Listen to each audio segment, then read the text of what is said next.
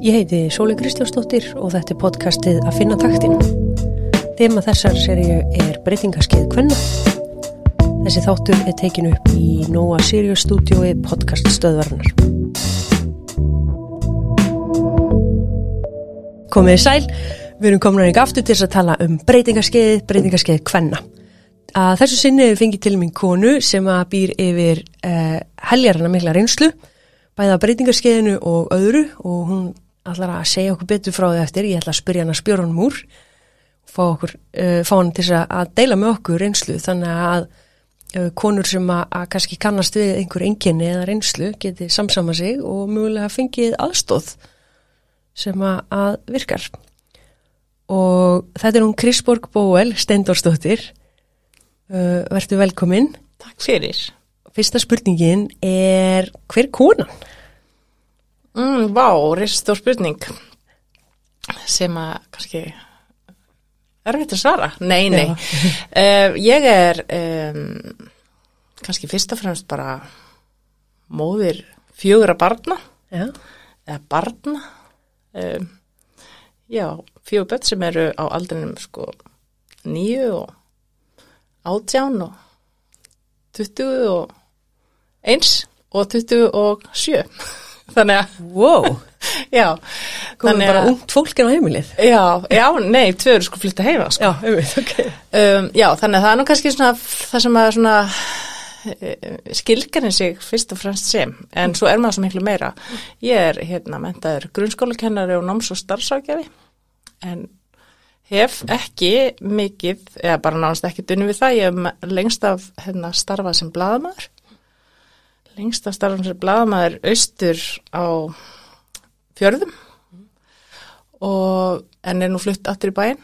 Og svo hef ég verið að fóst við svona heimil, eða kallast non-scripted, sem sagt bara já, heimilda þáttagerð hef gert uh, þrjár svo leiðserjur og núna var ég að klára uh, verkefni sem ég bara stökk á með hausinn bara á undan út í djúbulegina var sagt í, í framleyslu teimi af hérna, stærstu sjómanstáttarserju sem hefur gerð hefur verið á Íslandi uh, True Detective Nei, hei, er það komið úr því núna? Ég er bara, síðasti dagur minn, nei, síðasti dagur minn er bara á mándaginn, næsta. Ó, Og þar með þar ég að finna mér vinnu eða verkefni, veit einhver, góði alls konar. Vá, ok, þannig að þú ert greinlega bara stekkur út í lutina og vilar ekkit fyrir þér að hljóma svolítið þannig. Mm, já, ég er náttúrulega með bullandi aðtíhátti og það kom einhverjum á óvart svo sem þegar ég uh, fór í greiningu fyrir eitthvað tveimur árum, ég vissi það alveg. En um, finnst það svona, hvað segi ég, finnst enginni svona aukast eða svona verða öðri sem með árunum. Þannig að hérna og, bre- og, og líka einhvern veginn ígjast í streitu. Þannig að mér langaði að fá bara greiningu sem ég vissi alveg hver er þið bara til að kannski sjá hvort það geti hjálpa mér að fara, einhverja, fara á einhverja meðhöndlun.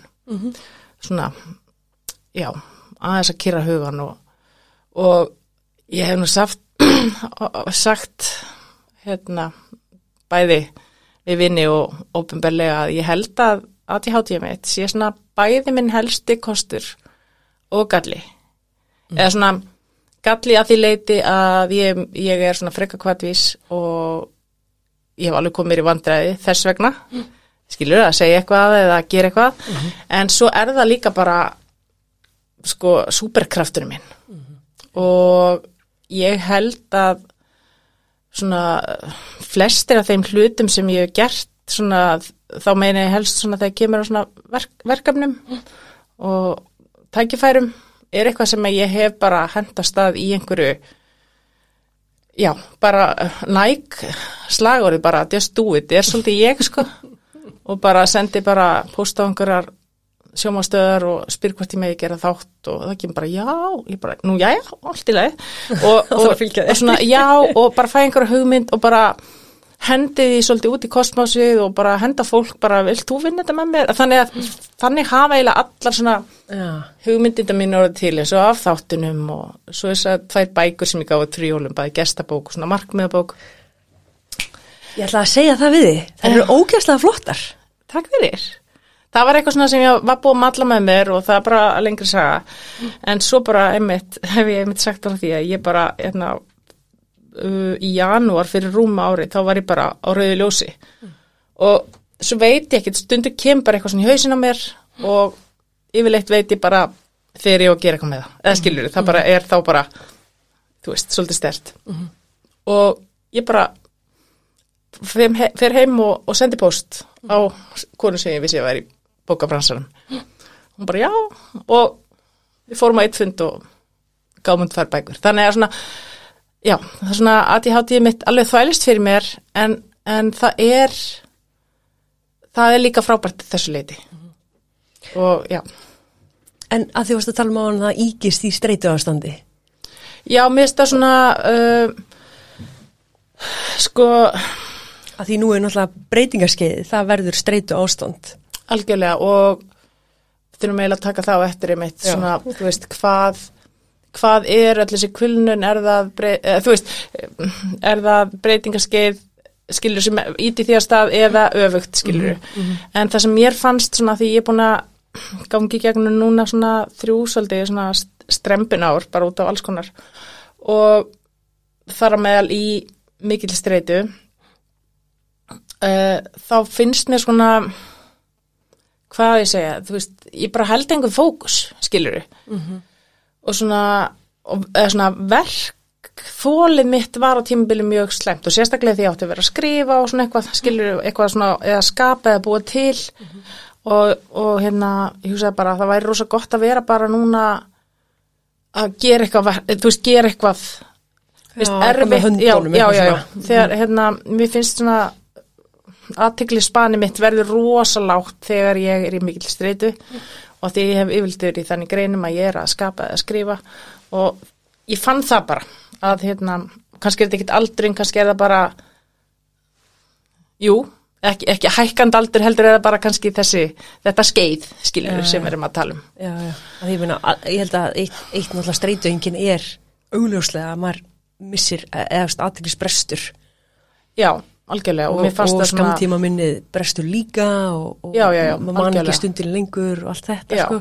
þannig þannig að kannski einmitt Já, þannig að kannski var þetta ekkit uh, einmitt, eitthvað endilega uh, hvað sem er hækkandi að ég hátt ég tíðinni heldur líka bara sambland af þessu öllu saman skiljum. Já, það er svo flókja grein á milli eins og þú Mhm, segir það er bara, hva, hvað er það? Já. En hérna, hva, hvað er gummul? 47. 47. Ok, ég sko að hlæja því að sveipur það var svona, ég var alveg, uh, má ekki spyrja því eða 47. 47, já Ég er að vera 45 á þessu ári og, og þá erum við náttúrulega bara á þeim stað að, að ég allavega, ég geti rakið einhver einkenni af breytingarskeiðinu án þessu að það hafi verið eitthvað íþingjandi en ég get svona rakið allavega svona já, svona 2-3 aftur, í- ár aftur í tíman ég vil aðeins lengur Mm þegar ég fer svona að hugsa tilbaka sko Já. og ég get alveg rakið svona alvarlega einkenni kannski alveg svona heilt ár tilbaka Mhm. sem ég er að átta mig núna þegar ég er komin á úst, hormón, komin aftur búin að finna aftur sjálfa mig Mhm. þá finn ég bara svona, já, byrju, þetta búið að vera svolítið lengur heldur en ég áttaði mig á Mhm. að maður er svo samtuna Já. Ég veit það. Og ef þú ert 47 ára Mm hv- er, ertu ný, er langt síðan þú, þú veist, áttaður þá að vera komin á breytingarskeiði eða hvernig, þú veist, Nei. hvernig tvinnast þetta allt saman Já, nei, sko, mm, ef ég horfi núna tilbaka, þá er svona lína svolítið dregin í sandin uh, snemma árs 2020. ok, við, já, að verða þreymur ára síðan Já. Uh, þegar ég horfi tilbaka, skilur um, ég flyt sér satt, uh, ég er austan á landi, fættu upp alveg í stöðvarfyrði, litlu sjávarþorpi Östurlandi og elst upp þar bara og kem svo í bæinn og stopna fjölskyldu og svo flytt ég aftur austur sagt uh, 2008 og er þar til 2019 og þá var bara svona minn tími svolítið búin þar og, og hérna basfæðir minn, með hérna litla stráknum var að flytja í bæin og, og það var bara þú veist, þetta var bara leiðin þá. En það er alveg þetta var mjög st- erfitt uh, það var bara tekinn fjölskyldufundur og, og, og tveir, eða sem sagt miðubönni mín bara ákvað að klára á skólana þú veist, sem sagt tvö, hérna já, annar var komið í mentaskóla og, og hérna, hinn var í tveim síðust árin í grunnskóla og þau ákveðu bara að klára þar og það er auðvitað erfitt að vera að fara frá þeim og litli strákurinn minn náttúrulega saknaði þeirra bara sko, já vel meir en ég og, og þannig að þetta var bara erfitt og, og svo er bara ógæðislega erfitt að vera einstætt fóreldri. Það er bara, þú veist, að bara þurfa, eða bara hvert einasta atriði sem á að gerast í kringuði og heimilinu er bara þitt. Og líka fjárhagslega og allt þetta. Þannig að það er bara heljarna mál að flytja með landsluta og að byggja sér eitthvað nýtt heimili. Þannig að ég var, ég var alveg í svona, kannski ekki alveg upp með besta hana. Eða svona, bara leið kannski ekki alveg nógu vel. Og fer einmitt að kenna eini, eini tímapunkturinn sem að ég hef ákveðið að prófa að kenna og það bara átti alls ekki við mig. Þannig, þannig að ég fer mér líður ekki vel og ég er bara metin inn til virk. Og metin í hvað sem er, þrótti ekki, að því að sko ef ég hugsaði bara uh, að því að hérna, burnout var alltaf bara tengt vinnu eða skilur yfirleitt var það bara hérna áður bara tengt einhverju svona þreytu í vinnu. Heyrðu, það er sko nýbúið að breyta þig þannig að núna er skilgreiningin Já. bara um vinnu. Nú, og og það sem gerist þá að þetta er svo klikkað sko. Já, en það sem að mér eða, þú, veist, að Einmitt, að það var alltaf svona allavega að, að mér, þú veist, fannst þetta var alltaf bara svona, allar rannsóknir snéru að því hvernig mann liði vinninu og þú væri búin að, þú veist, ættir ekki meira meira allir halda áfram þar, en hjá mér var þetta bara bara heildin, skilur, það er bara og, og, og peningáhugjur, þú getur ekkit þú getur mjög illa haldið uppi heimili með einum tekjum og bara fjárhagsáhugjur er bara mjög íþykjandi þannig að þetta var bara, þú veist, ég var bara langþreytt, sko. Og er sérst metin þarna bara óvinnu fær af bara streitu, þróti, hvað sem það var. Og þetta er þarna fyrir uh, á haustunni 2019 Já.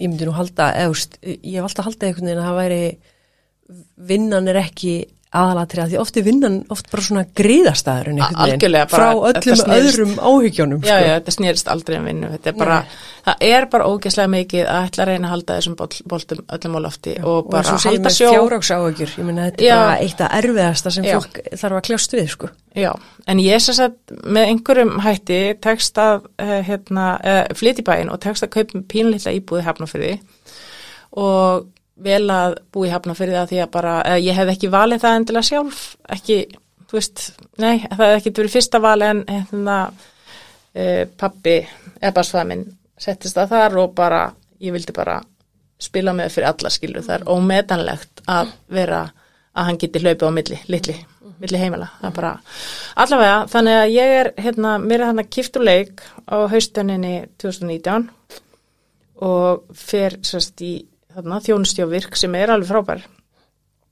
En svo þarna, í janúar 2020 þá fyrir þetta í kvennsugdumalæknis og bara í bara mann ekki eins og hver, hver var ástæðin fyrir fór til kvennsugdumalæknis en allavega að hún segir við mig hérna býtu hefur enginn sagt þér að þú ert bara með risastórt vöðva eksli legin? Ég leið, nei, hvað er þetta að meina? Hún bara "E- hefur ekki fundið fyrir þessu What? Leið, nei, alls ekki. Hún bara, ertu ekki á yktum blæðingum? Ég bara, nei. Og þannig að það sérst kemur ljós þarna í janúar 2020 að ég er með eitthvað sem heitir vöðvaæksli og þetta er eitthvað sem leið gerir ofta þessum aldri, það fyrir að prjóna einhverja, þú veist, það fyrir að prjóna sig eitthvað saman og mynda svona vöðvanúta og stundum er þeir einhvern veginn utan á liggjandi bara eins og jólakúlur á einhvern veginn leginu en stundum er þeir inn í legvegg og það var svo leiðis hjá mér og, og ég segi, hvað, er, er þetta stórt? Hún bara, já, þetta er alveg tennisbolti, ég bara, nei, hætti nú. Fannst það ekkit fyrir þessu? Fann ekkert fyrir þessu og þetta er nú ekki, ekki búið enn sko. Svo, þannig að hún segi bara, heyrði, ég veið bara að sitja í aðgerð. Og hún segi, því miður, þetta er alltaf stórt við getum tekið þetta bara í gegnum svona kviðsjá eða hvað sem þetta heitir. já, já. Þannig ég bara fer þarna, leggst bara inn á hvernsveitundeldina bara mjög fljótlega og fer bara í hó- hólristu, ég hef aldrei farið í keisaskur fyrir þarna og þá kom bara í ljós að þetta var miklu stærri, þetta var á stærði handbolt, þetta var á stærði sko áttamána gengi, eða sem sagt áttamána bann í móðukviði. En, en þegar horfið tilbaka, varstu, áttar það þá á einhverjum einkennum eða fór Nei, bara, alveg- bara fannst hvernig ég bara ekkert verið með þessu? handbolta á þess að bara eins og sjá það. Ég er Já. mjög afturstættleg, það er eina sem að, Já, þú veist, það er eina ok. sem að kannski skýri það að ég Hafði ekki sjást- ekki. Sjást, já. En svona eina sem ég hugsaði tilbaka, ég var alltaf að pissa. En Já. ég bara, og þú veist, þegar maður er ekki menn, eða þú veist, ég, mér datt þetta ekki í hug og þá bara, já, ég er svo duglega að drekka vatn. Ma, maður finnir sér alltaf skýringar. Já.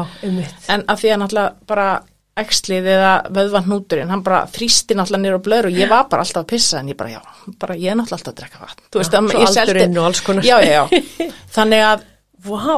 Þannig að þarna, þetta er þessi tímapunktur sem ég tala um, svona ef ég hugsa tilbaka, uh, samt þú skildir eftir ekki stokkarnir upp á hormónaframlýslinn, þetta er Já. náttúrulega rosalega mikið yngripp og ég ætla ekki að fara að, þú veist, þó að ég, hérna, sé búin að reyna ímislegt, þá er ég ekki með neina svona læknisræðilegar skilgrinningur hreinu, en, en ég hef alveg heyrt að, þú veist, þetta get alveg sett eitthvað á stað, en eiginlega, já, svo þegar bara ég er skorinn, þá bara skellur á sama dag, bara heimsóknabann út af COVID. Bara, þú veist, bara ding dong, þetta var hérna, ég man ekki, hver, já, hver er það, bara februari eða eitthvað hana. Sko, það er þetta samkombannið er miðjan mars 2020. Já, Þá var það- það sett á. Já, en alveg máttur ekki á máttur ekki fá gestu eitthvað svona. Já, Um mitt, um mitt.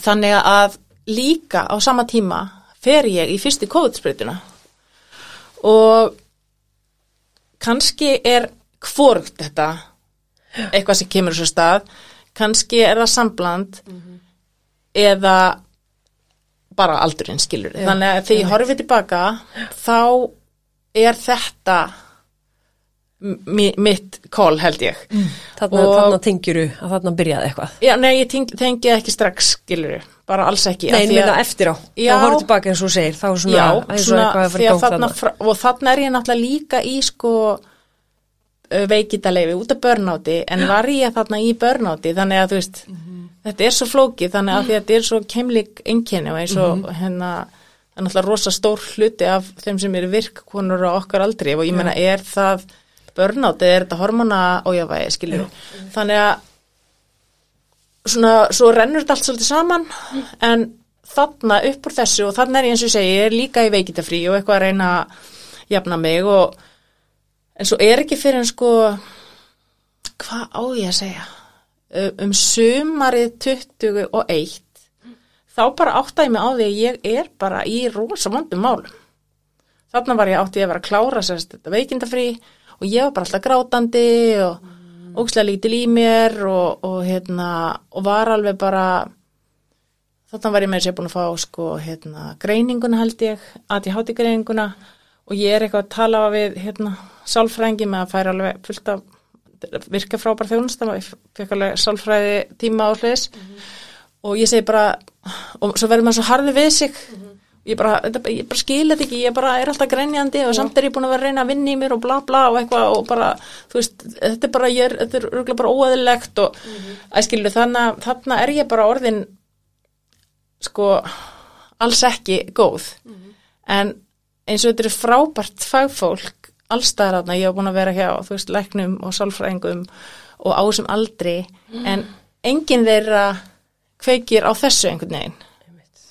Og eins og ég segi, svo er tíminn svolítið svona afstæðir og svo einhvern veginn rífum mér nú upp úr þessu og er eitthvað að nýja bara, þú veist, í alls konar verkefnum og, og svo í fyrra su, nei, fyrir ári síðan í, eftir áramóti fyrra þá bara, eh, sko vinkonum mínum ekki hægt að, eh, þá, þá er þeim alveg hægt að lítast á mig.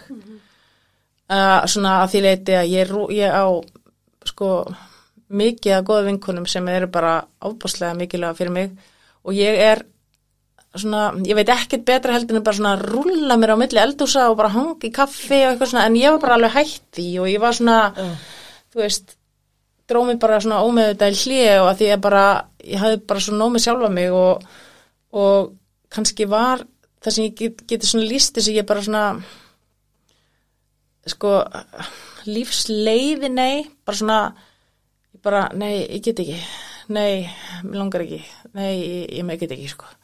Og allt svo þungt og einhvern veginn var einhvern veginn að synda í sírópi, skilur bara allt einhvern veginn bara svona þetta er ógæðslega skrítið. Og hérna einhvern veginn bara svona já, rosalega erfitt að lýsa þessu. Þá kallar ein vinkona mín segi við mig bara, heyrðu ég held bara að þú bara þyrftir að tala við þau í píeta. Ég held, nei, ég þarf það ekki neitt. Hún bara þú veist, þú ert svo ólíkir, bara ég held að það væri bara, þú veist, ég er ekki að segja að því að ég hef aldrei verið að tala neitt þannig, skiluru en bara að því ég var bara eitthvað, þú veist, ég var bara einhver önnur típa, skiluru þó ég, ég hafi nú alveg átt mína, þú veist, alveg, ég er alveg kvíða pjessi og, og hef alveg hlaupið í gegnum marga storma, ég var bara einhvern veginn, ég var bara einhver önnur. Já, kannski með þetta þegar eitthvað sem að, eins og segir, orðar svo skemmtilega að rúlla á milli eldursa Já, og svo Og bara, allt í svo bara var ég ertu farin að ekki- einangra þig eiginlega Já, bara. og svo bara var ég ekki að ringja, ég var ekki að koma og einhvern veginn komir, já, og Já, þá, þær þá er voru bara alveg hérna, uh, já, er að. Og þú veist, ég skammast mér alveg að segja frá þessu en ég ætla samt bara að gera það, við látum bara að flakka skilur bara af því að, þú veist það er alveg örgulega fullt af konum sem tengja við alls konar fáralega einhvern veginn eða það sem manni finnst og bara gott að heyra. Og ég fer þarna hvort að hún ringir eða eitthvað eða bara og ég fer nýri píeta og hérna og kannski bara svona lýs, mest lýsandi dæmi fyrir þetta skeið er þetta því ég sita móti einhverju ráðgjafaðna og hann er alveg opaslega yndislegur og hann bara já segði mér hérna, segði mér frá þér og, og hérna segði mér upplifu, eða þú veist upplifur því í sjálfsískættu og ég bara nei, ég myndi aldrei hennan að drepa mig þetta er bara, mér finnst þetta svo hræðilegt sko, ég bara, nei, ég myndi aldrei geta hugsað um, þú veist, það, það var bara nei, ég myndi, nei, nei, nei, nei, og það var allt bara, nei, nei, ég get ekki. Þú veist, Hva- þannig þannig, að það var aldrei, þú veist, það var aldrei máli en það bara, þeim fannst þessu ókslega ólíkum mér. Og meiri sér það að ef mér hefði liðið svona illa, ég var svo framtagslaus, eða skilur og mér leið þannig bara, nei, ég myndi ekki einu sinni, nei, nei, ég myndi ekki einu því, sko En, en þú veist að tala um, þú sagðir alveg, nei, ekki lífsleiði.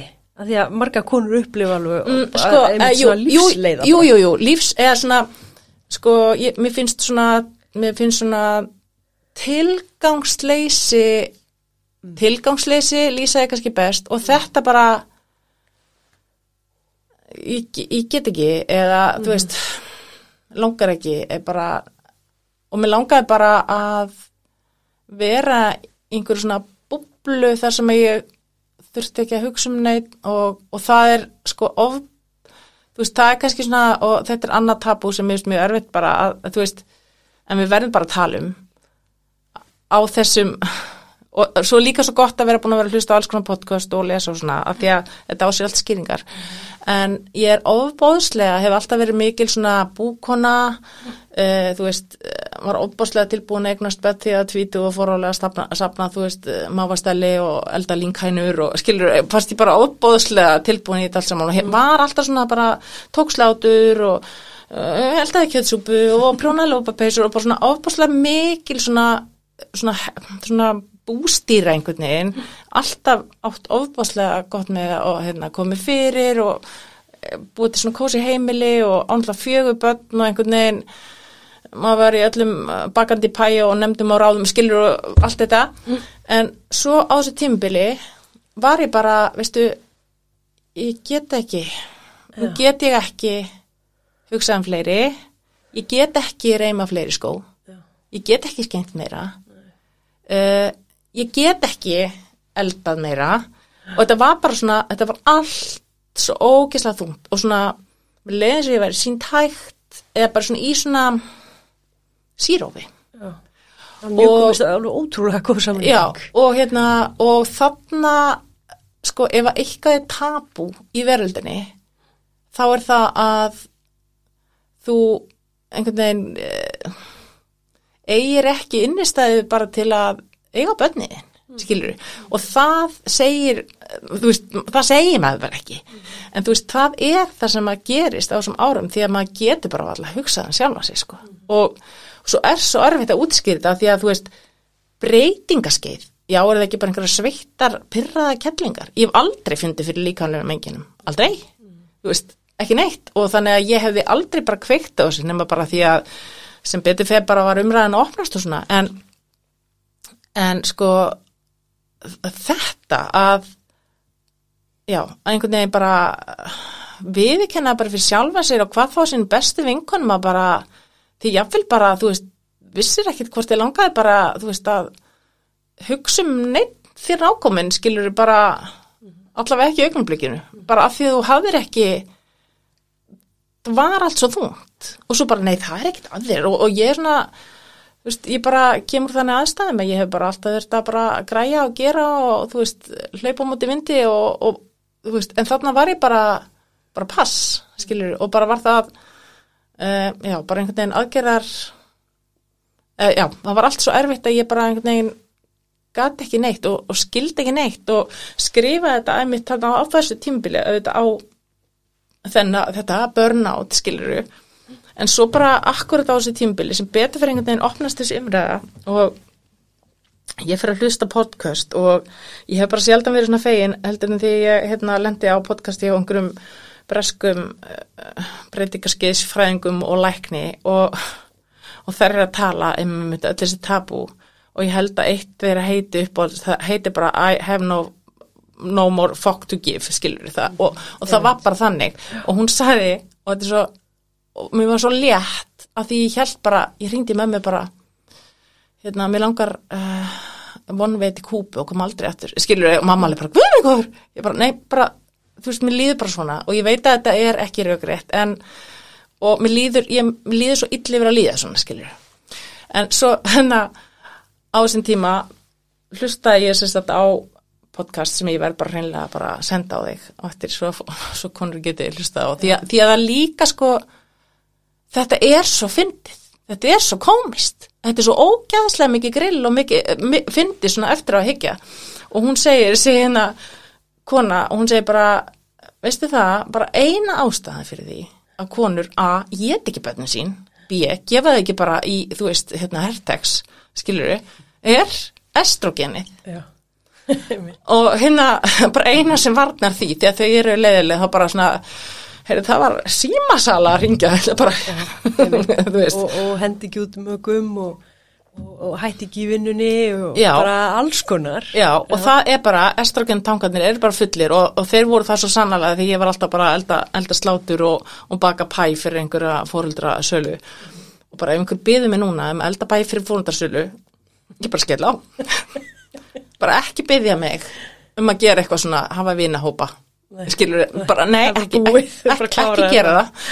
Og hérna þannig að hún segir eitthvað bara já, þetta var eina ástæðan fyrir því að bara við höldum sönsum í þessari, í þessari umönnuna hlutverki sem er í bara frá, veist, mótandi kvölds kannski bara eins og, eins og ég er búin að dreifi sér við 27 ár, skilur og svo þegar það fyrir að dala þá bara eigum við ekki meira fuck to give, sko. Einmitt. og það er ógæslega gott átt að segja því og hún sagði að þetta er ekki bara sko, þú veist, bara innistæðin er búin bara það er ekkit á ávistunheftinu og meðan þetta svo gengur yfir eða næri einhverju jafnvægi og hérna og hún segir eitthvað já, já, hún sagði að þetta er ekki bara bundið við börn, þetta er líka bara bundið við, þú veist, bara aðra ummönnum, þú veist aldra fóreldra eða bara æskilur bara allar Já, sem, bara- sem að þú hefur einhvern veginn verið að reyna að halda öllum þráðum á lofti og líka það sem er í þessu líka og er svo merkilegt að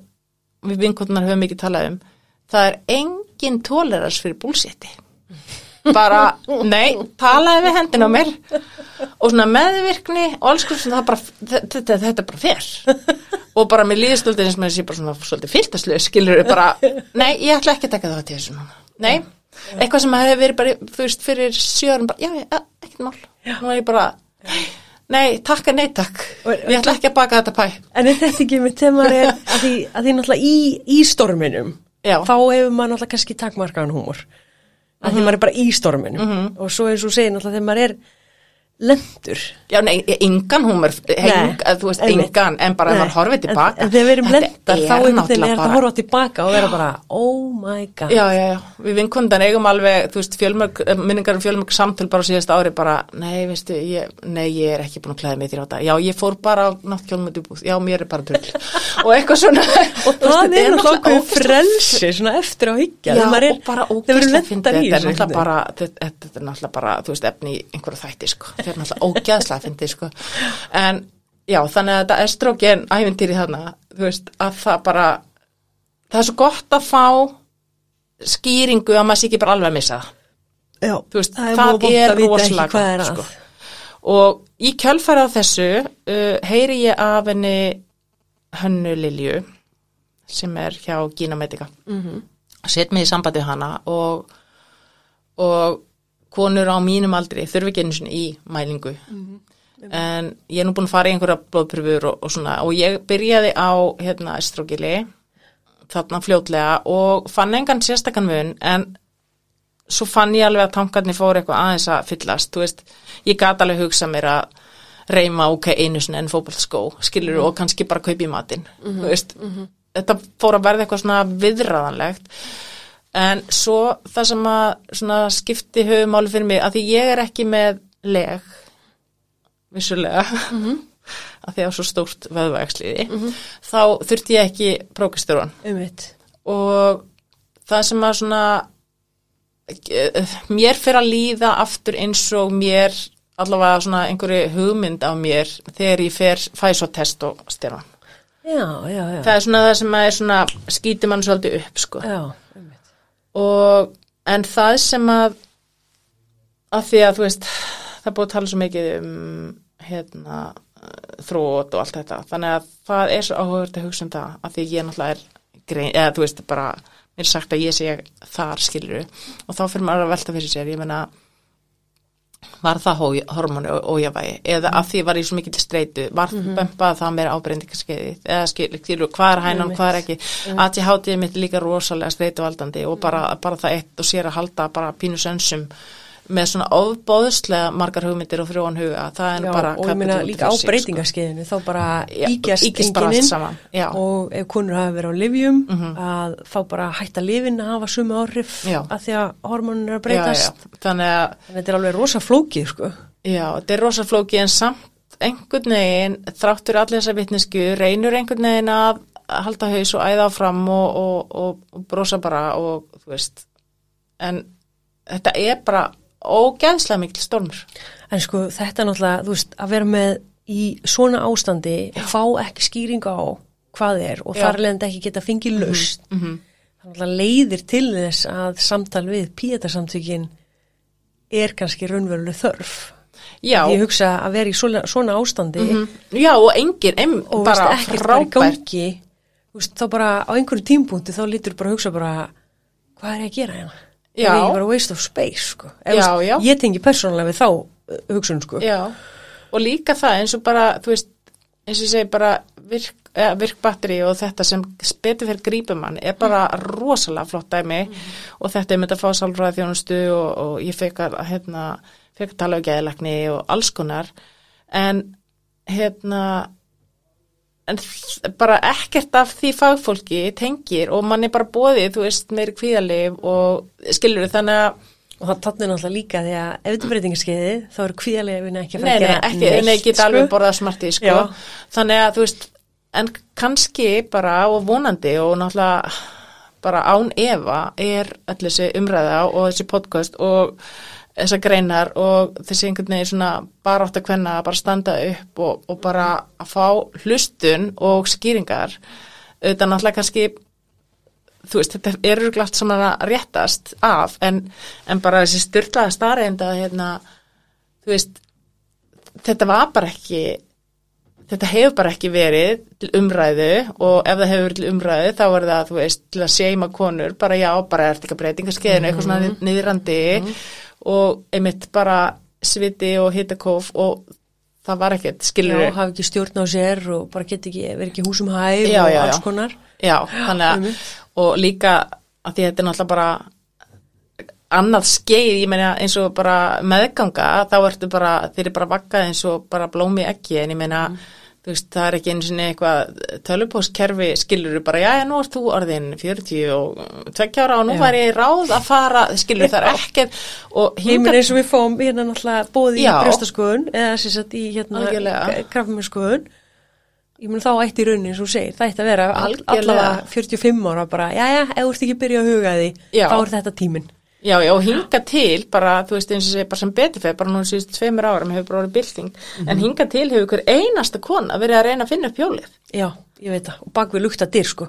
Algjörlega. Og svo kannski ertu óheppin, þú ert eina kannski konan í vinkunuhopnum Já. sem upplifur eitthvað svona alvarlega einkenni Já, eða einmitt. þá að þú bara talar ekki um það þegar svo mikil skömm eins og þú segir. Já, maður er ekkert að koma í bara þrítisamlega, bara haldi ég sé ekki bara byrja að breyta. Já, þetta er líka svo mikið útkiller. Þú Já. veist, loksins eitthvað að hittast í saum og allar Já. eitthvað í rosa stuð og maður er alveg, æ, ég bara ekki haft orku að gera neitt, ég bara síðastliðinu mánuði og þú veist bara, er það að nenna þig, nei, ef það er ekki opin umra. En nei, ég, nei. ég veit reyndar að að einn mjög góð vinkur minn sálfræðingur Mhm. og ég spurði hana aðeins út í þetta, Mhm. uh, hérna, og þau, þau er allavega það sem hún er, þá eh, ef konur eru á ákveðum aldri og eru komið með hérna kvíða Mhm. og annað, þá er skima fyrir breytingarskeiðs einkenni, mm Mhm. það geti verið sko. Þannig að mér finnst það rosa flott og Mhm. að því að það náttúrulega þjónar engum tilgangi að vera að skrifa upp á einhver líf eða að vera að reyna að slá á einhvern kvíða ef rótin er hormónabreytingar sko. Nei, nei, alls ekki. Og hérna, uh, eins og voru nú að bladurum hérna fyrir áður en við opnuðum mækin, að hérna, þá, einmitt fyrir eitthvað einu hálf ári, þá hérna hitti ég hana Halldóru, Skúla, uh, er ekki? Halldóru skúla sem heldur úti kvenna ráð Já. og hún er náttúrulega alveg, sko, hún er hafsjóra fróðleik og við einhvern veginn þar hitti svolítið skrættin ömmu sína og, og við einhvern veginn áður en að við vissum að vorum við bara búin að drafta upp sko sex sjónvarþáttaseríu sem að því miður fóreldri í loftið og kannski bara, maður er bara ráða að fara að dysta því aftur uh, ríkið. Og hún var búsett út í Breitland, nei, Þískalandi, hún út komin í Þískalandi en er búin að kynna sér rosalega mikið hvað er að gerast í kringum okkur. Og, Mhm. og þ- eins og til dæmis út í Breitlandi þá er bara svona hérna, þá er bara á vinnustöðum viða bara svona, þá er bara ráðgjafi. Herru, það er náttúrulega bara núna út af henni Lúis Nússon já, og sem er fyrirmyndin að Gínometika. Algjörlega og bara það að sko að stór eða bara fyrirtæki fari átt að sig á því hvað konur á þessum aldrei eru verðmættir starfsmenn og, og, og fara að passa betur upp á eða taka þátt í já, taka þátt í þessar umræðu og styðja þær í staðin fyrir að kannski það er detti út Já. af vinnumarkanum er Já. náttúrulega að það bara verður að fara að gerast Það er bara rosalega fjárhagslega óhagkvæmt. já, því að þessar konur allar, allar tillaðar í börnáti og líka bara við förum að kynna fyrir bara bara aðstandendum helmings mannkins skilur bara hvað hvað konur er að gangi í gegnum og, og, og maðurinn eða makinn skilur ekkert hvað er að hérna, bara hvað er í gangi Já, og, og, börnin já, börnin og jafnvel foreldrarnir Já. þú veist, bara allir. Ég, Já. meina, ég, ég veit að kona mín, hún væri örgulega til að deila einhverju reynslu og örgulega fegin að hitta aðra maka þar sem hún getur bara verið bara, oh my god er makin eitthvað líka snar? Já, já, já, já, algjörlega. Þannig að þetta er bara já, þetta er bara rosalega mikilvægt og, og svo þó að sé hægt að tala um þetta svona, þú veist léttvægt og þú veist, með húmor sem að kannski maður verður að gera þá er þetta bara oft döðans alvara því að bara konur eru bara sjá oft ekkert fram á þessu. Já, já og bara eru bara algjörlega, algjörlega bugast, bara vanlegan og skil ekki neitt og, og svo líður manni eins og þarna, þú veist, þegar ég var sem best bara, þú veist, ef einhver sagði bara, þetta líður hjá, Æ, skil, nei, mann líður ekki eins og þetta líður hjá. Og mann finnst maður bara rusl og drasl og ómögulegur og og geti ekki eins og elska börni mín? Eða bara, þú veist, haft tólans fyrir þeim og bara geti bara einhvern veginn bara eins og allir boltarnir sem maður er bara búin að vera bara hérna, þeir bara detta allir í golfið, skilur, og mann finnst maður algjört einhvern veginn. Já, og bara verði ég einhvern tíman ég sjálf aftur. Já, já, þetta hefur gefið mér alveg svona nýjan skilning á hérna þegar fólk er í þunglindi Já. er díla við þunglindsenginu Já.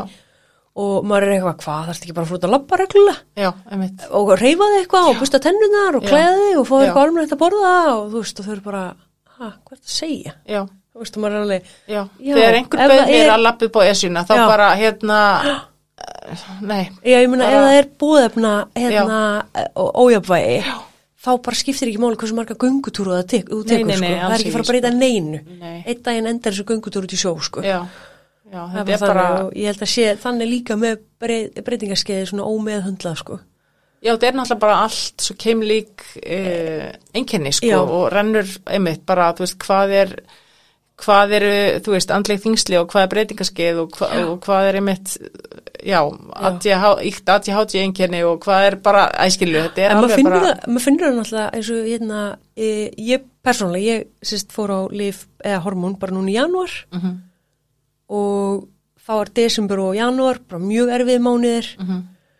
og, og þrátt fyrir að vera að tala við konur um breytingarskeið Mhm. og vera að lesa um til um grúskæði og eitthvað, þá var ég samt svo lengi að þetta voru andlega enginn eins og þú veist að lýsa.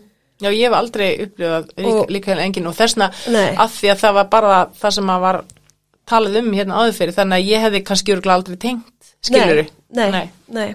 Og bara, þú veist, og ég var, ég var pínu bara að prófaði að fara okkur hormón í haust og var samt ekki alveg viss, þannig ég hætti því og svo fór ég á hormón núna og bara á sko eftir viku þá fann ég mun á mér og eftir tvær vikur þá grét ég því ég er að borða sko ísu í raspi með kartöblum og lauk að því meðast þetta svo mikil hamingjustund Mhm. Já, já, já, einmitt. og ég var bara, ég var búin að gleyma því hvernig væri að Já. líða svona vel og vera svona Já. innilega Algjörlega. ánægð og hamingjusum og sátt í mómentinu Já, þú veist þetta, og ég hef bara ekki trúa því sko nei, algjörlega og þetta er alveg bara og svo, svo skrítið að lýsa þessu en það sem ég finn um, eins, og, eins og akkurat núna þessa dagana er ég bara allt í lagi en ég finn núna, þú veist, verkefni mitt er að klárast og ég finn svona fjárhags já. einhvern veginn hellast yfir og, og það sem að ég svona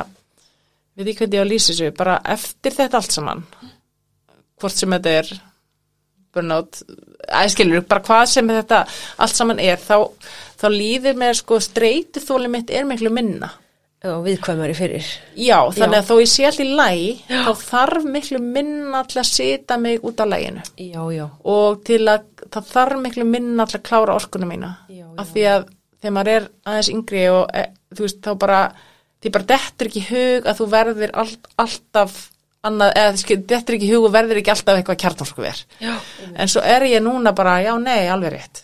Já, ég viðkvæmur fyrir streyti, ég viðkvæmur fyrir uh, kannski bara mótlæti eða svona, svona mótvindi já.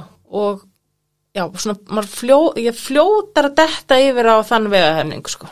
Já heldur en áður. en er ekki líka en alltaf, ég hugsa að sé alveg það er meikar alveg fullkomi senn sko, því að taugakerfið er búið að vera undir greiðarlega miklu álægi þá er það bara viðkvæmara fyrir. Eðlilega sko. En svo er eitt maður hérna, ég verði eiginlega að pissa ég bara veit ekki. Til að setja pásu bara. Já, ég er nefnilega að fara að pöla uh, það sem að ég er líka einhvern veginn búin að svona, ég er ekkert búin að vera já, búin að reyna bara einhvern veginn að svona finna út á sjálfur mér er uh, bara svona lífst, hva, hvað maður getur gert sjálfur einhvern veginn ég myndi ekki vilja hætta kviðalifinu mínum og ég myndi ekki henda út hormónu, skilur ég er ekki að menn það. Ertu, ertu sérst á kvíðalifjum já, ég hef alltaf svona on and off verið á kviðalifum ok, ertu á ADHD-lifjum líka? Má ég spyrja? e, já, ég er á þeim en ég tek mér stundum pásu. Ok, en finnur þá alveg, þú finnur mun alveg. Vist, ég veit það ekki alveg að þú ert ekki viss. Nei, og það fer líka bara svolítið eftir því einhvern veginn hvar ég er bara stödd í öllu hinu. ok, En því þetta tala einhvern veginn allt svo saman, sko. já, já, já. En, en ég meina þegar þú fekst hérna, hormónin að þá og svo testóðu þá þá jafnast eitthvað út. Já, þannig að þá er þetta klárlega breytingaskeiðið já. Og svo uh, aðri hlutir líka. Já, og bara, þetta er bara einn grautur, Af því þetta já. líka, öll þessi einkenni eru bara, mm, allir þetta sé, allir þetta sé. Get, getum við kallað bara eftir einhverju einu lifi sem að bregst Já, sem að hjálpar við þetta allt Já, getum við gert það frábært. hérna En sko, ég veit alveg upp á mig, já, svo er það, nú ætla ég að fara að draga mig niður, en maður verður bara, þú veist, við verðum bara að sína okkur mildi. Mhm. En ég veit það, ég verð að fara, ég verð að fara að koma inn reyfingu, því að það er bara líka svo mikilvægt upp á bara eins og hérna vöðumassa því að við verðum, við verðum, að, við verðum að vera að lifta eða þú veist, lifta, ég vil ekki fara þú veist, við erum bara að rífa í lóðin Já, þú veist, ég verð að fara að koma því en ég er bara búin að vera svo ógeðslega löngum vinnudögum og bara og, og líka það, þú veist, ég hugsaði bara, á ég vakna hluga sex, bara nei, ég finn hvað, ég, finn hvað svefnin minn mikilvægur, þannig að ég valdi frekar að bara sofa eins lengi og ég kæti á virkumotnum heldur en að fara fara í ræktina til að klípa á því, því skilur bara svona einhvern veginn að tvennu, tvennu góðu. Já, svo fyrir kannski líka eftir, ég meina ef maður er í kyrsutu allan daginn eða ef maður er á ferðin allan Já, daginn nei, nei, ég er, sit, ég er bara búin að sitta við tölvu í þessu verkefni í bara Ó, ég tíu ætlaði að tíma vera dag, ekki sko. næs. Nei, nei, nei, Draga við fram það Nei, þannig að þú veist, það er eitthvað sem að ég veit að ég verð að fara að laga en það sem ég var að reyna, að reyna kannski fyrsta sinu æfinni af því hvort ég fæ nóg nægan svefn eða ekki. En svo átti ég bara ókslega erfitt með svefn. Okay. en mér finnst, fannst það skána þegar ég byrjaði á hormónum bara svona ég var, þú veist, ég átti ekki erfitt með að sopna en ég var stundir leið með bara eins og ég hefði bara ekki svo, eins og ég var, hefði verið svona semi-vakandi alla nóttina sem var kannski ekki ég rétt. En svona ofbóðslega grunnisvefn og það náttúrulega er sko prókistrónið bæði, ég man ekki hvort það er estrogenið heldur okkur svoandi Mhm. og prókistrónið hjálpar okkur að sofna.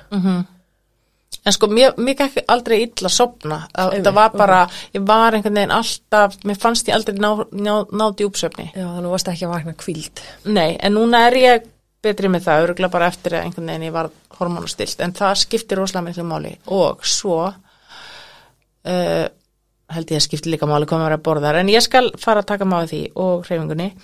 En Sko enginn að grilla þig sko. Nei, ég er bara, þú veist, að minna mig á þetta. En það sem að ég fann fyrir fyrst þegar ég skildi árið 2015 þá, og kannski bara þú veist, þá er ég orðin hvað? Ja, eitthvað, bara eldgumul og hérna þá áttaði mig á því að það skipti engu máli hvort að ég fór að djamma með stelpunum eða fekk mér eitt rauðvinsglas. Ég lá bara í lestri hliðalegu bara það að fá alkohól í blóðu mitt þá vissi ég bara ekki að eitthvað breytingaskeið myndi nokkuð tíma tilera mér skilur því að þú veist einhvern veginn. Og þá var ég líka í mikill streitu í kringum að þann skilnað. Já. og þá bara hætti ég að drekka í ár. Veist, ekki hafa alltaf verið að drekka skilur, ég bara það bara skipti ekki máli hvort ég fekk mér eitt rauðinsglas heima. Já, semst, afleðingarnar af, af áfenginu voru bara það alvarlegar á, Já. á og þá fór ég einmitt, hérna, fór ég til heimilsleiknis, bjóð á Ísturlandi og nú man ég ekki alveg hvort ég er alveg að fara rétt með þetta og var eitthvað að segja þetta. Ég bara, þú veist þetta kom, kom eitthvað tals og hann einmitt sá læknir hafi verið einmitt bara læknir upp á vogi, hafi verið í svona bara einhvern tímann fyrir á ferlinum í svona áfengis uh, já, í, í þessu um, ja, sagt, í því umhverfi. Og hann sagði bara að hérna serotonin þegar maður er líður illa og er í mikil streyti þá lækkar einhvern veginn serotonin byrðinaðinnar tankurinn og hann sagði og hugsa kannski bara frá einu um til tíu bara svona andlega hraustmanneski sem er bara þú veist á góðum stað og bara líður vel hún má alveg við því að fá sér í glas. Því að sko alltaf þegar þú drekkur þá sópast svona smá af serotonin byrðinu þínum. Mm en þegar þar eru bara 1,5 skiluru Já, það mátti ekkert við. Þá má maður ekki við því. Og með þess að góð skýring og þá bara hætti ég, ég bara drakk ekki í heilt ár. Og svo þarna í þessu ástandi þarna fyrir tveimur árum eða bara þegar maður leiði sem best núna hef ég ekki drukkið áfengis dropa síðan í september, það verða tvö ári september. Og fólk er ertu hægt að drekka? Ég bara, nei, það, ég er allavega ekki að drekka núna. Bara af því að bara taugakerið mitt bara riði ekki við það sko mér leiði bara ógæslega illa, ég vaknaði með bilaðan hérslátt, ég svaf ekki ég var alveg bara í einhverju niðursýðu formi bara fram eftir viku, alveg sama bara, alltaf þetta bara, bara alveg sama bara að kom eitthvað alkohol í blóðum mitt það bara, bara rústaði mér sko. Þannig að hérna, eins og mér skaman að hérna, fara út með stelpunum, þá bara ger ég það eitthvað núna því að bara það er ekki, er ekki þess virðið sko. Sko, sko áfengi, bara það, það sem sagt, ef það ætti að leifa það í dag, þá væri það ekki lift, sko. Nei, Áfengi er náttúrulega það mikið eitur í líkamann okkar, sko, bara Já. almennt. Já, en ég meina þegar maður er, þú veist, unguður og ég, ég fann aldrei fyrir þessu, þetta var maður, þú veist, þunnur og eitthvað svoleiðir, en bara þetta var bara eitthvað annað, ég bara, Já. þetta, var bara eins og eitur fyrir mig. Já, þannig að finnur bara svona munin, svona, Já, já, og ég bara kýs að núna, að ég er ekki að drekka þessa stundina, skilur, kannski byrja ég einhvern tímann aftur, kannski aldrei, skilur, kannski því er orðin bara óhyggjulegs og hérna, bara bíjangstar í húsbíl út í Evrópu, skilur, því ég ver- verður hann ballaus. Ég veit ekki, en bara núna, þetta er bara, og sko, og fólk alveg finnst þetta ekki, erf, þetta bara kvarlar ekki að mér. Nei. Mér bara dettur ekki hug að gera sjálf mér það. Nei, meina þegar kostnaður Um er svona mundir, sko. mikill, þá bara langar mér að, þú veist, fyrir hvað, skilur Nei, bara, ég bara tristi mér ekki það, sko. Þetta er bara svona eins og um þegar maður er komin á hvern aldur, þá bara Mhm. Ætla ég að vaka fram eftir. Uh, nei, Nei, ég bara tími því ekki. Ég Nei. tími ekki öllum morgundeginum í eitthvað rugg. ætla ég að borða mjög óhald. Ah, ég tími því bara ekki. nei, Því að kostnaðurinn er bara svo miklu meir heldur en að var einu sinni. nei, einmitt og, og ég hef alveg getað að fara leiðina bara, að ég bara ætla, ætla ekki að vera, þú veist, djambdrekka en ég ætla bara að fá með rauðvin, ég bara, nei, ég bara, veist, Það er bara alltaf ekki. ég bara, bara ekki um þessa mundir og allt í hennu var bara komin mánuður og allt í hennu var bara komin hálft ár og þú veist, bráðum verið bara tvö ár og bara skiptir ekki En ég meina, máli. Finnur ekki bara jákvæða breytingar? Uh, ég allavega sko myndi ekki vilja hugsa til þess hvernig ég væri ef ég, eða skilur Já, fyrir utan bara fjárrakslegan ávinning. Já, ég menna, þú veist, það var ekki samt ekki eins og ég væri eitthvað rosa djammari, ég er rosa lélugu djammari, ég sting alltaf af flugan, hvort er ég eitt Já. eitthvað, en bara ég, bara, ég bara get ekki gert með það, sko. Nei, nei. Þannig að, Ég hef reyndar alveg heyrt hérna líka konur verði þó svo ég kunni ekki end- endilega læknisfræðilega skila því en konur verða viðkvæmari fyrir áfengi á breytingaskeiðinu já, og eftir breytingaskeiðinu og eru líklegir til þess að þróa með sér eh, bara áfengis vandamál sko já, að þeir verða bara viðkvæmari fyrir því. Já, það er ekkit ólíklegt, allavega, þú veist. Nei, og með þess að þú ert að lýsa þá Já. megar það bara fullkomið senn sko. Já, en þetta segir mér líka að ég var, tegðakerfið mitt var ekki á sérstaklega góðan stað á þessum Já. tíma þegar ég að teka þessu ákverðun, sko, og, og hérna, já, Já, já. Þetta, þetta, er svona risastór breyta, allavega fyrir mig, en ég menna svo eru kannski aðra konur á mínum alltaf sem finna ekkert fyrir þessu. Nei, ég, það er nefnilega líka það sem er svo hérna geggjað við þetta tímabil, það er bara svo misjaft hvernig það hefur áhrif á okkur. Þú veist, Sumar konur um mitt, eins og við talum áðan, sumar finna fyrir mjög mikið líkamlengjani og um mitt hittakófin og, og allt það og, og ég er eins og þú með það. Ég, ég, ég held ég hefur svona ekki tali á fingrum annara handar hversu oft ég fengi hittakóf og það er oftast í kjölfar þess að ég prófar að hámi með nammi. Þannig að sigurinn er að hafa Ah, áhrif. Ah, ah, það er páskadagur, ég bara, nei, anskotin, núna páskadegi, veist, já, akkurat, já, það er bara, bingo þar. Já, þannig að Já. ég, ég er alveg að sjá að það er alveg tenging þarna á milli, þannig að Já. getur, ég get allavega haldið þessi skefjum með ákunnum mataræði og byrjaði um þetta að hérna, borða fisk, ég er gaman að segja þetta og byrjaði að borða fisk mm. því að það er gott fyrir hérna, konur á breytingaskeiðinu Já, og ég veit ekki hvort að, þú veist, það er allavega bara búið að bætast við í mataræðin hjá mér. mm já, En- en, einmitt sigurinn, og hún einmitt sagði það, þarna, breska podcast, vinkona mín þarna sem bjargaði mig fyrir hóðnáta, þetta geggjaði þættir, ég verði að senda þér á. Já, sendu mér og þá get ég setta í hérna, eh, um þáttinn, þannig Já. að konur geta hlusta líka. Algjörlega, og hún var einmitt líka að tala um áfengi og sigur. Já, sigur er náttúrulega bara svona næsta eitir eða einhvern veginn. Já, einmitt. Uh, en, en já, við finnst alveg svolítið magna og það er svona held ég sé mikilvægt samt með þessa reynslu að því eins og þú veist að segja á þann að deila reynslu sem að, að maður kannski ekki að deila hvar sem er og með hverjum sem er að því það er vond að láta dæma sig fyrir einhver reynslu Mhm. og hérna en með að leiðaljósi að því fleiri konur sem deila reynslu því fleiri konur uh, geta fengið fyrr náttúrulega löst við sinn vanda og átt að segja bara hvað er í gangi Mhm. Já, já, já. Og það er svo vantið mitt að vera burðast með þessi tabu og, dæma sig og vera, þú veist, upplifa skömm eins og bara með allar þessar ég get ekki hérna, upplifanir, skiljur, Já. það er bara rosalega gott og mjög frelsandi að, að líka bara að heyra aðra einmitt Já. deila því og líka bara mér finnst það rosalega gott að bara já, ok, þetta er að því að hérna, það er mikið hérna, bensinleysi í, í hérna, estrogen tankunum mínu svo leið og það kom balans á það þá einhvern veginn, þú veist, einhvern veginn komst ég upp úr þú veist kafinu í raunni bara og svona bara náði bara djúbandanum og sérstaklega ég fekk hérna testuið já, einhvern veginn svona cherry. Já, ég hef ekki Já. prófað það ennþá. Nei. En hérna, en mér skilst að það sé einmitt eins og sér, cherry on the top ekki? Mhm. já, eða sko, já.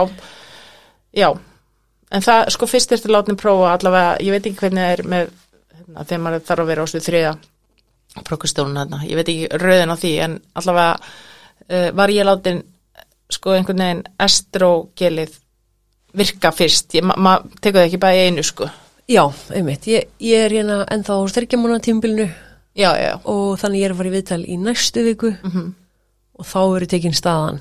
Já, þannig að það er alveg það svolítið gott, það er fylst með manni og hérna og maður fær leiðbynningar að því að, að það er alveg, já, maður vil einhvern veginn vera vissum að maður sé að gera rétt og, Mhm. og maður sé að gera ekki sjálfur sér grikk. Nei. En svo náttúrulega kannski að því við erum ekki búin að tala um það núna hérna uh, þetta með þetta hérna í rauninni hvað var að segja, forvarnagildi. Mm þess Já, að vera að taka hormónin. Já, þessi, þessi umræða einhvern veginn hefur hún er ekki ennþá komin alveg upp á borð finnst mér. Nei, náttúrulega var eh, kannski fyrst bara umræðina bara að, að hormóna uppbóta meðferð væri bara leið til að ná jafnvægi. Já, Og ég horfi svolítið á þetta því að ég er, þegar ég er tvítuð þá hérna greinist ég með mannverkan skjálkirtil já, og ég man að hérna þegar læknir sagði mér og ég bara tvítuð og bara krakki hérna samt honum mamma að hérna hann segir mér bara ef þú verður á þessu alla æfi ég bara, what? Hvað, hvað það segir mér? En þá er þetta bara bara hormón sem að ég framleiði ekki nógu miklu magni og það er einhvern veginn allt annað heldur en þú sért á einhverjum, einhverju lifi en það er eins og með þetta, ég meina bara hormónum hans eru að skilur með estrogenu og allt það saman. Veist, þetta er bara hormóna upp á meðferð, það er bara verið að fylla tangana þína. Algjörlega. Og, og einhvern veginn betra að hugsa þannig sko. já, og svo náttúrulega og talum á hann með þetta með einmitt sem að er kannski gleymist í umræðinni þú veist að ef við erum að taka þessu hormón mm -hmm. Að þá draugum við líkum að fá hjarta og eðarsjúkdóma, Mhm. mm við draugum við líkum að fá heilabilun, mm -hmm. draugum við líkum á bein, beinþynningu, að því að estrogenið spilar stóra rullið þetta já, algjörlega. Og auðvitað, þú veist, verður hver og eina með þetta fyrir sig og, og, og, og allt það. En um, vonandi einmitt, mér finnst umræðan kannski en hún er að breyta svo hrætt en hefur líka verið bara, nei, nei, ég þarf þetta ekki Já, skilur, eitthvað svona bara, nei, nei, nei, ég finn ekki, ég þarf þetta ekki, ég ætla nú bara, en, en þá er kannski ekki alveg bara nógu mikil fræðisla um það, um forðnagildið á Já. öðrum lífstilsjúkdómum, neða kannski ekki lífstilsjúkdómum einsinni, bara öðrum, öðrum kvillum sem að við getum verndað okkur fyrir ef Já. við höldum hormonabúskopnum okkur góðum. já, sem hafa kannski verið tengdir freka við bara hækkandi aldur, Já, eins og það væri bara eitthvað svona eðlileg Mhm. næstu skref einhvern veginn með hækkandi aldri þá sefur verð, mm -hmm. er oftar að fara á klostið, já, já, já, Uh, bara allt þetta. Já, og hérna uh, bara einmitt beinþynning hjá konum Mm uh, konur eru tvisum líklegri til að fá heilabilin Mhm. á móti köllum -hmm. og náttúrulega líkur á hérna hjartaáfalli uh, aukast Mhm. hjá konum Algjörlega. Og þó kannski hormónu uppbótu með fyrir einu sér, sé ekki að fara að venda okkur fyrir þessu öllu, eða það ekki bara líkunum. þá, er, erum við að draga líkunum. Og það Já. er eitthvað sem hefur ekki verið nógu mikið upp á borði. Og hérna hefur kannski verið svona, ég veit ekki, mér fannst á tímbili að væri svona eitthvað hetjumerki og þyrtir ekki hormóna uppbótum með skilur já, en já. það er sem betur fyrir eitthvað að snúast við og hérna, já, Það er náttúrulega eðlilega, kannski maður er svolítið stressaður, ég meina þú veist að taka Já. eitthvað utan að komandi, út taka líf, Já, taka, já. þú veist, eitthvað átt að vera á því restina æfinni, ofta stilt maður náttúrulega líf sé eitthvað tímabundið, nema svo- eins og þú orður það, með skjaldkirt, skirt, eh, Já, ég er sko. bara ekki að framleiða eins mikið og um, Einmitt. svona, já, Já, já, það er marga konur náttúrulega sem að, að þekkja það. já. Já, en svo náttúrulega líka setti þessi eh, stóra rannsókn alltaf hliðina hérna 1900 eða kringum hvað, Hún er sko- 80-90 Hann- Nei, hún er alveg sko 99, hún er 99. 2000, já, Já, það er já. ekki lengri síðan sko. að, að, að hormónin væri, eða sem sagt að hormóna uppátum að það væri svo krabbaminsvaldandi Já, já, en, en hérna en það var ekki rétt, það, það er búið að reykja það. Já, en það er alveg skeiður hins vegar. Og, og konur ymmit bara eðlilega, þú Mhm. veist, auðvitað vil maður ekki taka inn einhver líf sem að, eða svona einhver hormón sem að auka ef maður heldur að það auki líkur á að maður fá nei, sko, bara alls ekki. Nei. En ég hef líka alveg séð að því ég var inn í ákveð, bara ákveðnum hóp sem að náttúrulega stó, stóst samfélag hvenna sem er hérna, deilir þessari reynslu á, á, á Facebook eða sem sagt í lokum hóp. Og. Já, ég, ætla rétt að alveg- vona að allar konur sem eru að hlusta séu í þeim hópi. Já, breytinga, breytingaskeiðið, hvað heitir þetta Já, var breytingaskeið Já, og ég meni, ég hef alveg lesið oftar en einu sinni oftar en tvís og þegar þessi krabbmeins umræða kom upp. Og þá Já. bara komu konum með komment, bara veistu það, frekar vil ég takast á brjóstakrabbanum heldur en að líða eins og mér líður. Já, Skilur Já, ekki það það að nokkur sé að, ekki það að nokkur sé að, skilur óska sér þess, en þá bara er oft svo hrikaleg vanlíðan að bara konur nánast bara gera, vilja gera allt til þess að losna út það, þeirri það er sko hérna uh, líkunar á krabbaminu eru alveg einhverjar Mhm. en það er á pari við að drekka hvort sé tvö vinglus á dag eða svona letvin eða hreyfa sig ekki eða borða Já. eða, úst, þannig að það er þetta, þetta er bara, þetta er lífstílinn líka sko. Já, og ef að þessi hormón uppbót og meðferð getur hjálpað þeim sem eru vestar upp úr vestar svartnættinu og þar er bara herlings eh, líka sko. Ég meina að fáir sko lífsgæði og eigir þá nokkur ár góð Já, en að eiga mörg ár slæm sko bara, já, já, og líka, og líka það bara sumar konur bara sjá alls ekkit fram úr þessu skilur og bara taka sér degi lífa því að það er bara Já. skil ekki neitt í neinu og Já. hérna, já. Já, ég meina ég var að segja konu mína, ég bara hvað ef ég vissi ekki af breytingarskeiðinu Já. Hugsa- ég hugsa bara að ég væri örgulega hætt í vinnunum minni Já. ég væri örgulega búin að fara fram á bara, við væri örgulega bara ekki hjón lengur eða saman, Nei, nei, nei, veist, ég væri örgulega bara býta mér að það vinkunum mínar bara, þú veist, Já. Mhm. þetta er allt einhvern veginn, bara, ég get ekki ímynda mér að fara í gegnum þetta og vita ekki hvað er, hver er rótin, sko nei, nei, nei. og þess vegna er mitt, tala um þetta, deila reynslu og hérna, ég held sér svo ótrúlega mikilvægt Mhm. Já. og maður tala um þetta sem mest básunir út um allt Mhm. og nota hvert tækifæri sem við getum til að tala um breytingarskeiðið Já, algjörlega.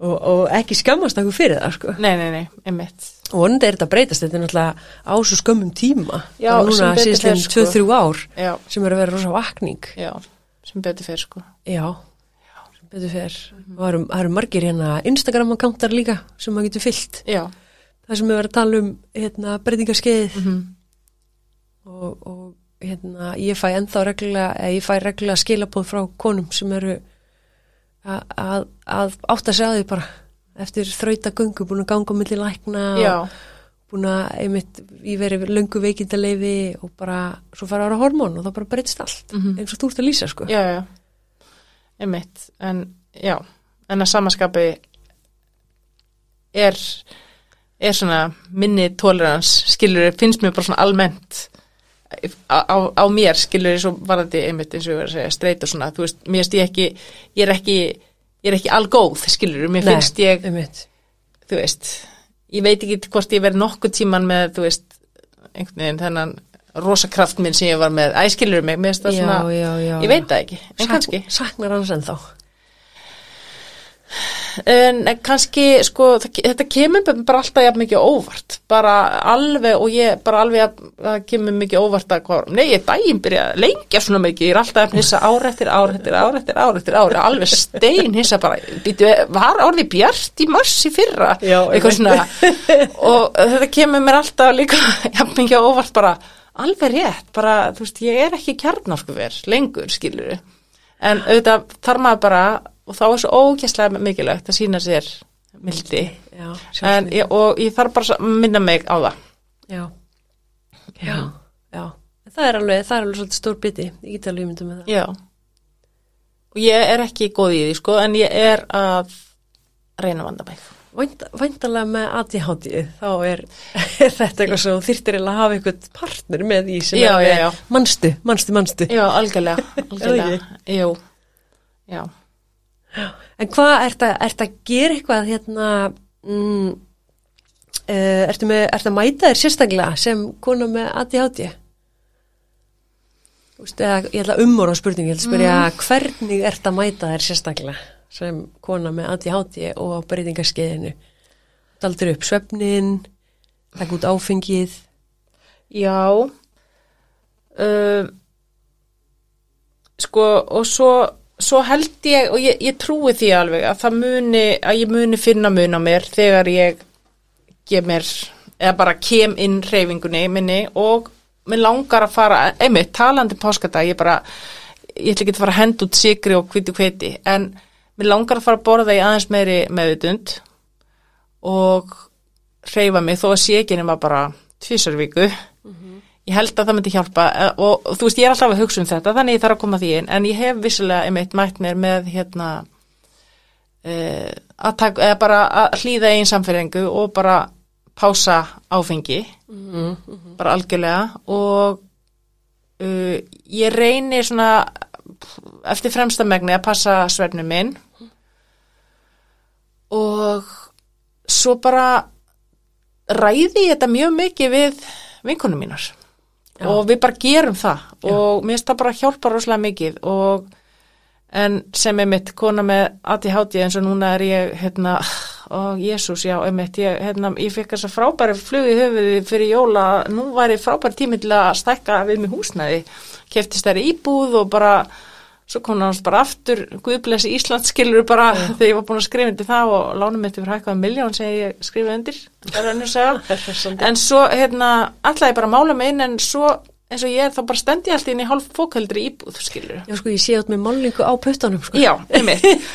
Og, hérna, og þetta er rosalega dæmi gert ég og bara allt í einu er ég ekki með vaskabaðinu til dæmis bara uh, bara, ge, ég, ég gerir bara svona og þetta er svona og þá verð ég bara að minna maður bara ok, þú veist vissulega hefði verið gott að vanda sig þarna. Við gerum það bara betur næst, skilur. Við hefðum ekki þurft að gera allt í einu, ég hefði ekki þurft að gera það. En þá bara einmitt, bara staldra við bara jú, þú ert alveg drulludugulega en, og, bara, og bara, þú veist minna sig á það. Ekki alltaf nýta hvert einasta tækifæri til að rakka sér niður, það er svo óge, þú veist, það er einhvern veginn svona held ég hjá konum, sérstaklega þú veist, bara okkar aldrei það er svo, dí, það er svo default bara, Já, já, þú ert nú alveg ómöguleg þannig að ég, þú veist, ég er að reyna þetta bara, nei, nei, þetta var nú bara flott ég þér og hérna, við tökum bara þessu skilur bara reyna svona fallit sjálfstal en þú veist, mér langar ekki að segja ég er langt í land en svona ég þarf ég dætt svolítið út á spórinu þar en Já. er að reyna, það er svo mikilvægt því að, að hverstæðarinn bara er svolítið klikk einhvern veginn á þessu tímbili og við þurfum bara að vanda okkur. Þá kannski getum maður nálgast það með einmitt hugafari grúsku mm -hmm. sem er, ég er ekki ennþá búin að mastera það. Mm og þá er maður bara að æfa sig. já, Maður er bara að æfa sig á hverju minnasta degi. já. Og hérna, og svona kýpa sér þú veist, kýpa sér inn á sporið skilur Já. þannig að, já, Nei, ég var bara á leiðinu hingað sko og var ég bara, okkur er ekki búin að gera þetta og já. þú ætlar að gera þetta líka og okkur er ekki löngu búin að þessu og þetta er svo auðvelt, okkur er þetta frest þessu? Og ég hugsaði bara, ó, það er rúslega næs að fá að tala við konu bara um breytingarskeið í klukkutíma og fá hans að komast út úr haustum á sér og, og bara rifja upp að bara það þarf ekki allt að gerast strax. Nei, og sumt er bara þess eðlis að það má bara býða það er engin tíma að pressa á það. Nei, nei, nei, einmitt. Og ég svona nota einmitt sérstaklega í þessu svona því ég þarf virkilega á sjálfsmynd að halda því, svona þessu ég sé bara sjálfsmildi, kakvað sjálf mér er að bara ég myndi aldrei drulla svona yfir vinkonum mína mm -hmm. skilur þau bara, nei ég myndi aldrei ringja í vinkonum mína og segja henni hvað hann sé búin að vera ömuleg í þessu verkefni Já, þú veist, nei, bara aldrei nokkuð tíman og þær myndi aldrei ringi mig og mm. seg, skilur þetta er bara í mínu mm. einbóði og mm. veist, auðvitað eigu upp og niður daga en já, bara já. það er svo ekki gott að temja sér að einhvern veginn leifa sér að tala og hugsa alltaf til sín eins og maður sé bara já.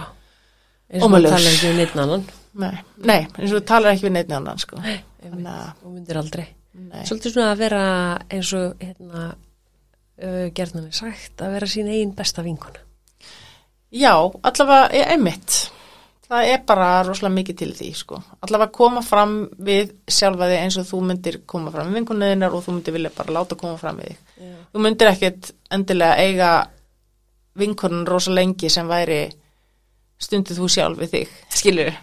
Ekki sen sko, nei, bara, bara þegar hún ringir þá bara, uh, nei, ég er bara upptíkin Sérstaklega ekki að breyta ekki skilinu þegar maður er bara, heyrðu, nei, veistu, nei, ég ætla ekki að baka þetta. Já, nei, já, já. Já, en það er samt svolítið gott þetta fokket tímabill og þetta, þessi fokket nálgun.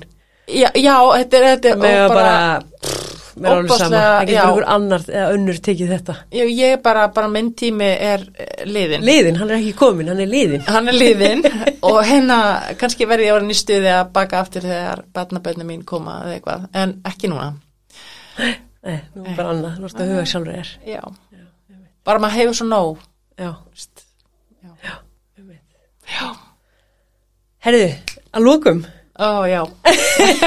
ég er búin að hugsa þetta allan tíma, nei. En það, ég hef ekki að segja þetta fyrirfrá. Uh, ég er, eh, sérst, lók alltaf með uh, einni svona síðustu spurningu. Hvað er eitthvað eitt sem að þú myndir vilja að allar konur sem að er á breytingaskeiðinu eða er bara rétt að sigla inn í það hafi í huga varandi breytingaskeiði? Mm ég veit, þetta er rosalega stór spurning. Þetta er rosalega stór spurning. Um, bara sko þetta er bara svo lúmst allt saman sko. Mm -hmm. bara vera kannski bara vakandi uh, standa á sínu líka þú veist uh, við að bara fá aðstóð ég hef lesið bara rosalega mörg, mörg kommentin á þessari síðu líka bara ég fór þarna og bara mér var sagt að þetta væri bara uh, þú veist breytingskeiði væri bara tískubóla, æskilur bara bara, bara standa með sér og þú finnur það þú veist alveg best að þú ert ekki í lagi. Mm -hmm. og bara við verðum bara að vera hérna hörða okkar og þú veist þá bara að fara til næsta læknis, ekki einhvern veginn láta einhvern annan segja, segja þér. Æskilur, mér finnst bara mm -hmm. mikilvægt við stöndum bara, höldum bara með okkur. Einmitt. Og, og líka þá einmitt að því að þetta er ekki, maður getur ekki tekið þetta eitt punkt það einhvern veginn bara að uh, svona, ekki hætta fyrir þú fær bara einhver, einhver svör og þjónustu sem, sem þú þart mm -hmm. og líka svo í framhaldinu bara að standa með þér mm -hmm. ekki, þú veist, þetta er nógu erfitt fyrir hvað þú er, ef maður er einhvern veginn að, að rakka sjálf sinna einhvern veginn alltaf niður að þetta er alveg drullega erfitt og maður verður stórskriðinn og já Já, standa með sér standa með sér og halda með sér. Halda, já, já. Ó, ó, það er geggjast lagur. Herru, Chris Borg takk kella fyrir spjallið. Takk sem við veist, takk fyrir að bjóða mér